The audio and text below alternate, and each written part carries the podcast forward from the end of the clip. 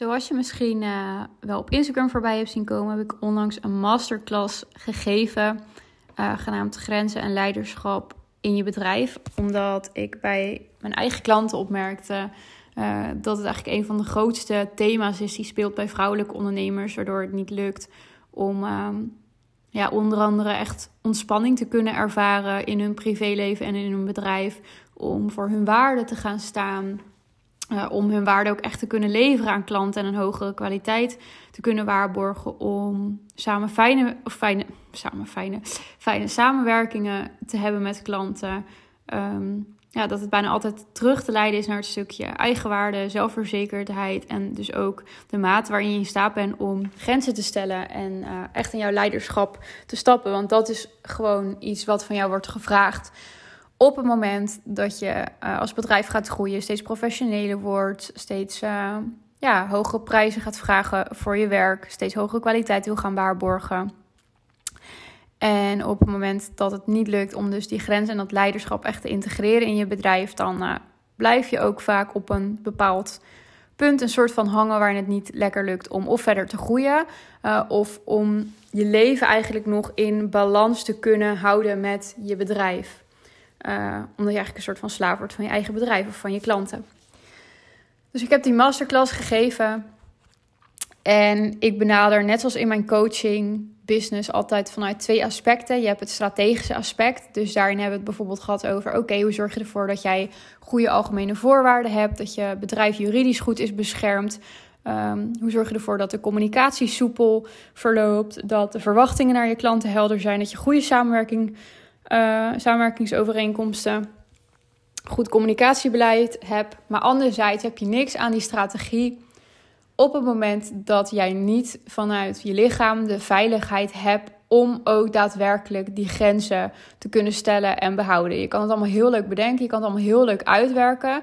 Uh, maar op het moment dat er iemand is die dan hè, een beetje tegengas geeft, of er komt toch een moeilijke situatie in je bedrijf, uh, waarvan van jouw grens en leiderschap worden gevraagd, ehm, dan kan dat nog wel eens lastig worden. Je hebt dat echt te voelen van binnenuit, voordat je dat, ja, die plek kan innemen.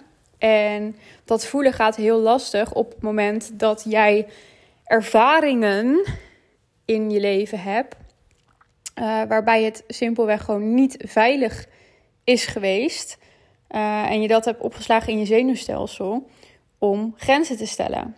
Dus situaties waarin mensen over jou, uh, gigantisch over jouw grenzen heen zijn gegaan, bijvoorbeeld. Um, maar waarin jij ook niet in staat was om een grens te stellen, omdat het simpelweg gewoon echt onveilig is geweest. En er zijn een heleboel vrouwen die hebben natuurlijk met zo'n situatie in hun leven te maken gehad. Um, en vaak zijn we eigenlijk onbewust van, of denken we dat we dat vanuit hoofdniveau een soort van hebben opgelost. En is dat toch nog iets wat tussen ons in kan staan. Um, in bijvoorbeeld dus de dagelijkse uh, situaties zoals in ons bedrijf. En er kwam een hele mooie vraag van een vrouw die deze masterclass heeft gevolgd. Die zei ook van, hé, ik, ik heb uh, de masterclass gevolgd en vanuit mijn hoofd volg ik het helemaal. Maar wat ik dus ook heb gedaan in die masterclass is toch wel een stukje dieper in. Iets meer naar de onderstroom. En nou geloof ik dat dat nooit helemaal kan via een uh, tweedimensionaal scherm. Maar ik heb daarin wel lichaamswerkoefeningen meegegeven. Um, we hebben wat opstellingen gedaan, reflectievragen die echt uh, een stuk persoonlijker en dieper gaan dan alleen de oppervlakte van hoe kan je dit in je business integreren. En daaruit kwam ze dus ook wel in het inzicht van door dat lichaamswerk te gaan doen van oké, maar wat er telkens gebeurt bij mij is dat ik in een soort bevriesstand kom. En dat ik denk, nou, laat maar zitten. Dit, voor mijn hele systeem voelt dit onveilig voelt dit gevaarlijk? Voelt het zo niet oké om mijn grenzen te stellen? Zoek ik het alleen maar bij mezelf? Zou het echt als falen voelen als iemand niet tevreden is? En dit is een uh, hele interessante die ik al best wel veel tegen ben gekomen het afgelopen jaar bij het coachen dus van vrouwelijke ondernemers. En dan in combinatie met uh, familieopstellingen en systemisch werk. Want dit hoeft niet altijd zo te zijn, maar wat um, dus echt wel vaak voorkomt, is dat vrouwen die moeite hebben met een stukje weerbaarheid, grenzen stellen, plek innemen, nee zeggen, dat het ook vaak vrouwen zijn die uh, of geen vaderfiguur in hun leven hebben gehad, Of waarbij het vaderfiguur eigenlijk onveilig is geweest, onbetrouwbaar, uh, een, een hele zwakke of een hele zachte uh, man. Het kan ook dat hij er wel was, maar dat hij gewoon ontzettend zacht was. Uh, en bijvoorbeeld zelf ook helemaal niet de leiding nam binnen het gezin.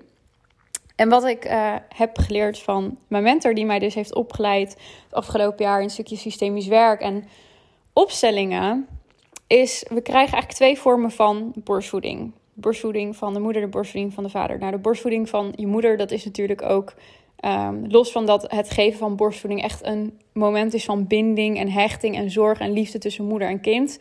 Um, is dat dus een stukje emotionele, um, hoe zeg je dat? ja, voeding die je daar krijgt. Hè, dat is die warmte, ook een stukje veiligheid. Maar ook letterlijk jouw weerbaarheid door, als het goed is, dus de, de stoffen die in de borstvoeding zitten. Wat echt geniaal is, want er zitten precies de stoffen in die jij nodig hebt als babytje. Het lichaam uh, is zo intelligent dat dat zich dus aanpast, dat die borstvoeding zich aanpast aan precies wat jij nodig hebt. Um, zou ik ook echt nog heel lang over kunnen doorpraten. Waarom ik dus denk dat het zo belangrijk is om zo lang mogelijk borstvoeding te geven. Maar daar gaat het in deze podcast dus niet over. En dan hebben we dus ook nog de borstvoeding van de vader. En dat is dus de weerbaarheid en um, de veiligheid die we eigenlijk leren herkennen. En waar we onszelf mee kunnen voeden. Doordat ons vader in de eerste jaren daar het voorbeeld van is. Dus om uh, een voorbeeld te noemen, op het moment dat jij gepest wordt op het schoolplein en jouw vader die grijpt in en die gaat daar staan en die beschermt jou daarin, dan krijg je een stukje weer daarvan mee. En we oefenen dat vaak in, uh, in opstellingen dus. Dat de vader en de moeder staan achter jou en het gevaar komt recht op je af. En voordat het bij je kan zijn, um, springt eigenlijk de vader naar voren en die zegt stop. Die zet daar die grens voor jou. Dus je krijgt als kind die voeding mee, een voorbeeld mee van hoe het is om een grens te stellen, om nee te zeggen, om hoe het is dat hè, je vader letterlijk naar voren stapt en die ruimte inneemt voor jou. Um, dat is een stuk veiligheid wat je meekrijgt, maar ook daardoor jezelf daaraan kan voeden, omdat vervolgens op latere leeftijd zelf, um, ja, je kent dat, dus je kunt dat zelf integreren. Dat gaat natuurlijk heel moeilijk op het moment dat je dat helemaal niet kent, die vorm van veiligheid. En wat we dan ook vaak zien in opstellingen is dat de eerste paar keer, omdat we dus zo gewend zijn als we die borstvoeding van de vader en die bescherming en die veiligheid dus niet hebben gehad om een soort van dan maar onszelf op een andere manier te verdedigen. De enige manier die ons zenuwstelsel of ons lichaam op dat moment wel kent. En dat is gewoon uh, of uh, flight of freeze. Dus je ziet dan ook letterlijk dat vrouwen hun adem inhouden, dat ze helemaal bevriezen, helemaal verkrampen. Dat jouw zenuwstelsel letterlijk in verkramping schiet op het moment dat je dus in een situatie komt waarin van jou een stukje leiderschap wordt gevraagd, waarin van jou wordt gevraagd om eigenlijk nee te zeggen, om je grenzen te stellen waarin het onveilig of niet langer goed voelt voor jou. Maar omdat je dus die borstvoeding van de vader niet hebt gehad en nooit van die energie hebt kunnen proeven of dat hebt kunnen integreren in, ja, in je eigen lijf als het ware, je bent er onbekend mee, uh, kun je dus alleen maar overgaan op hè, een stukje overlevingsmechanisme. En je kunt je dus ook voorstellen dat dat ook zeker gevolg gaat hebben voor de situaties die je niet alleen in je bedrijf ervaart, maar ook andere situaties in het leven waarin eigenlijk over jouw grens wordt gegaan, of waarin het onveilig is, of waarin iets voor jou simpelweg niet kloppend of niet goed voelt, maar wanneer je dus niet in staat bent om voor jezelf die plek in te nemen. Uh, en jezelf daarin weerbaar te maken. Of dat nou is hè, fysiek of door woorden of door, door met energie je plek in te nemen. Wat er dan op dat moment ook ja, het meest nodig zou zijn. Um, en dat het dus ook, geloof ik, als dit dingen zijn waar je tegenaan loopt in je bedrijf, dan is het nooit dat je hier alleen tegenaan loopt in je bedrijf. Um, dan loop je daar ook tegenaan, hoogstwaarschijnlijk in relaties of in andere situaties in je leven. Uh, waarin je dus herkent dat je in die flight of freeze modus gaat op het moment dat, hè, dat er een situatie zich voordoet die eigenlijk erop neerkomt dat er van jou wordt gevraagd om een grens te stellen of om je leiderschap te nemen. Um, dus daarom vind ik het dus ook zo belangrijk dat als je ondernemer bent, kan je heel erg gaan zitten focussen op vanuit je hoofd dingen oplossen, vanuit strategie. Maar als je uiteindelijk jouw zenuwstelsel daar niet in mee kan, dan ga je hoe dan ook op een bepaald punt vastlopen. Dit geldt ook voor bijvoorbeeld hoge investeringen. Jij kan met je hoofd beslissing maken. Nou, ik ga zoveel geld in mezelf investeren. En dat is helemaal prima. En dat heb ik gewoon te doen. Want dat hoort erbij in, de, in het level wat ik nu speel als ondernemer. Bla bla bla. Maar als het voor jouw zenuwstelsel eigenlijk zo'n grote stretch is of zo uh, onveilig is, dan zul je dus ook merken dat het je op een bepaald punt niet meer lukt om die veiligheid wellicht te waarborgen. Of dat het heel hard werken gaat zijn om dat dus te kunnen blijven dragen. Uh, en op lange termijn kan dit er dus voor zorgen dat het ondernemen gewoon een stuk minder leuk gaat worden. Omdat je eigenlijk ja, continu je eigen zenuwstelsel overstrijdt. En dus continu in die onveiligheid uh, terechtkomt. Wat ja, nare associaties gaat opleveren in je bedrijf. Of wellicht in dus hè, uh, je persoonlijke relaties. En daarom, wat ik heel erg heb mogen leren het afgelopen jaar, is dat de trauma's die je meedraagt, de innerlijke kindstukken, um, jouw familiesysteem, dat dat allemaal van invloed is. Ook van hoe je uiteindelijk als ondernemer ja, in het leven staat, maar ook in je bedrijf staat. Het leiderschap dat je kunt nemen. Uh, de, de, de kwaliteit die je kunt ervaren in samenwerkingen, maar ook in de balans met je privéleven. Dat dat allemaal zo breder is dan alleen, oh, ik los dit even op door, um, weet ik veel, mijn strategie te veranderen. En soms begint het ook daar. Hè? En, en heb je juist door deze proces heen te wegen. Ik ben door heel veel van dit, dit soort processen heen gegaan. Waarin het in eerste instantie heel onveilig was. En waarin ik juist dus in die onveiligheid heb mogen leren om mezelf daarin te dragen. Om mezelf daarin gerust te stellen. Om mijn innerlijke kind daarin mee te nemen. Uh, een tool die ik bijvoorbeeld heel fijn vind werken is ook aanraking. Wat, wat doe je letterlijk bij een kind die zich onveilig voelt? Dan is jouw moederinstinct om dat kind vast te houden, om het kind aan te raken. En dat is waardoor het zenuwstelsel herkent: dit is veilig. En jouw onderbewuste zal daar hetzelfde op reageren. Op het moment dat jij nu in plaats van in die onveiligheid ervoor kiest om je adem in te houden, te vluchten, te bevriezen. Om die warmte voor jezelf te creëren, om die zachtheid voor jezelf te creëren. Om tegen jezelf te zeggen: hé, hey, het is goed om jezelf daarin aan te raken. En het klinkt voor een heleboel vrouwen als een ver van je bedshow. Uh, maar uiteindelijk maakt het het ondernemen en, en überhaupt het leven zoveel zachter, zoveel fijner, zoveel makkelijker voor jezelf. Doordat je niet uh, uiteindelijk op lange termijn telkens weer die stressrespons als ware aan het voeden bent. Je zenuwstelsel aan het overstretchen bent. Maar juist wanneer je voelt: oké, dit is een signaal van onveiligheid in mijn lichaam.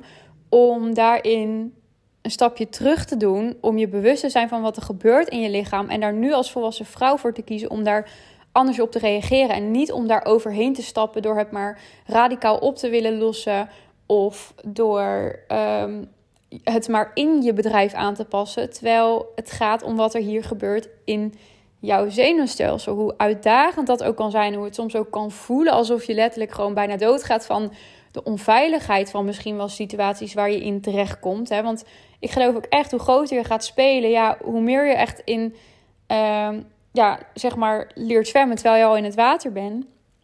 En ik geloof dat, dat dit dus zo, zo'n key is uh, als vrouwelijke ondernemer, die gewoon over het algemeen een stuk emotioneler, ons hele brein zit gewoon emotioneel. Uh, we zijn gewoon emotionelere wezens.